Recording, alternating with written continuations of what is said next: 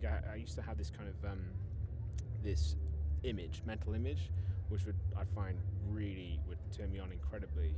Of just um, uh, someone, a woman who would be take her own underwear and would have it in her mouth as she uh, fingered her own asshole as I was looking at her and like playing with myself. Um, and I used to find that just, just, just like as a, it was a really vivid mental image.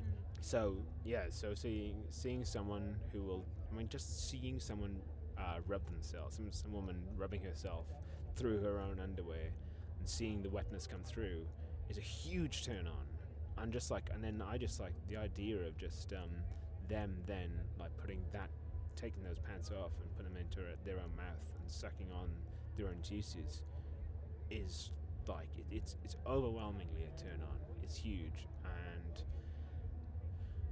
um, yeah, it's kind of weird that I, I do wonder. So I know that it's been with me as long as I've uh, been sexual. So like since being an early teenager, it's been there.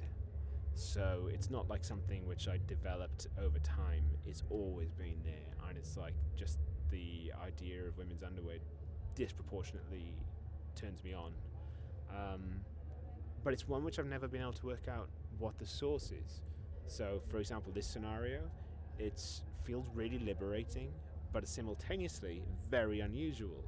Uh, I like um, rimming, yeah, so licking girls' anuses.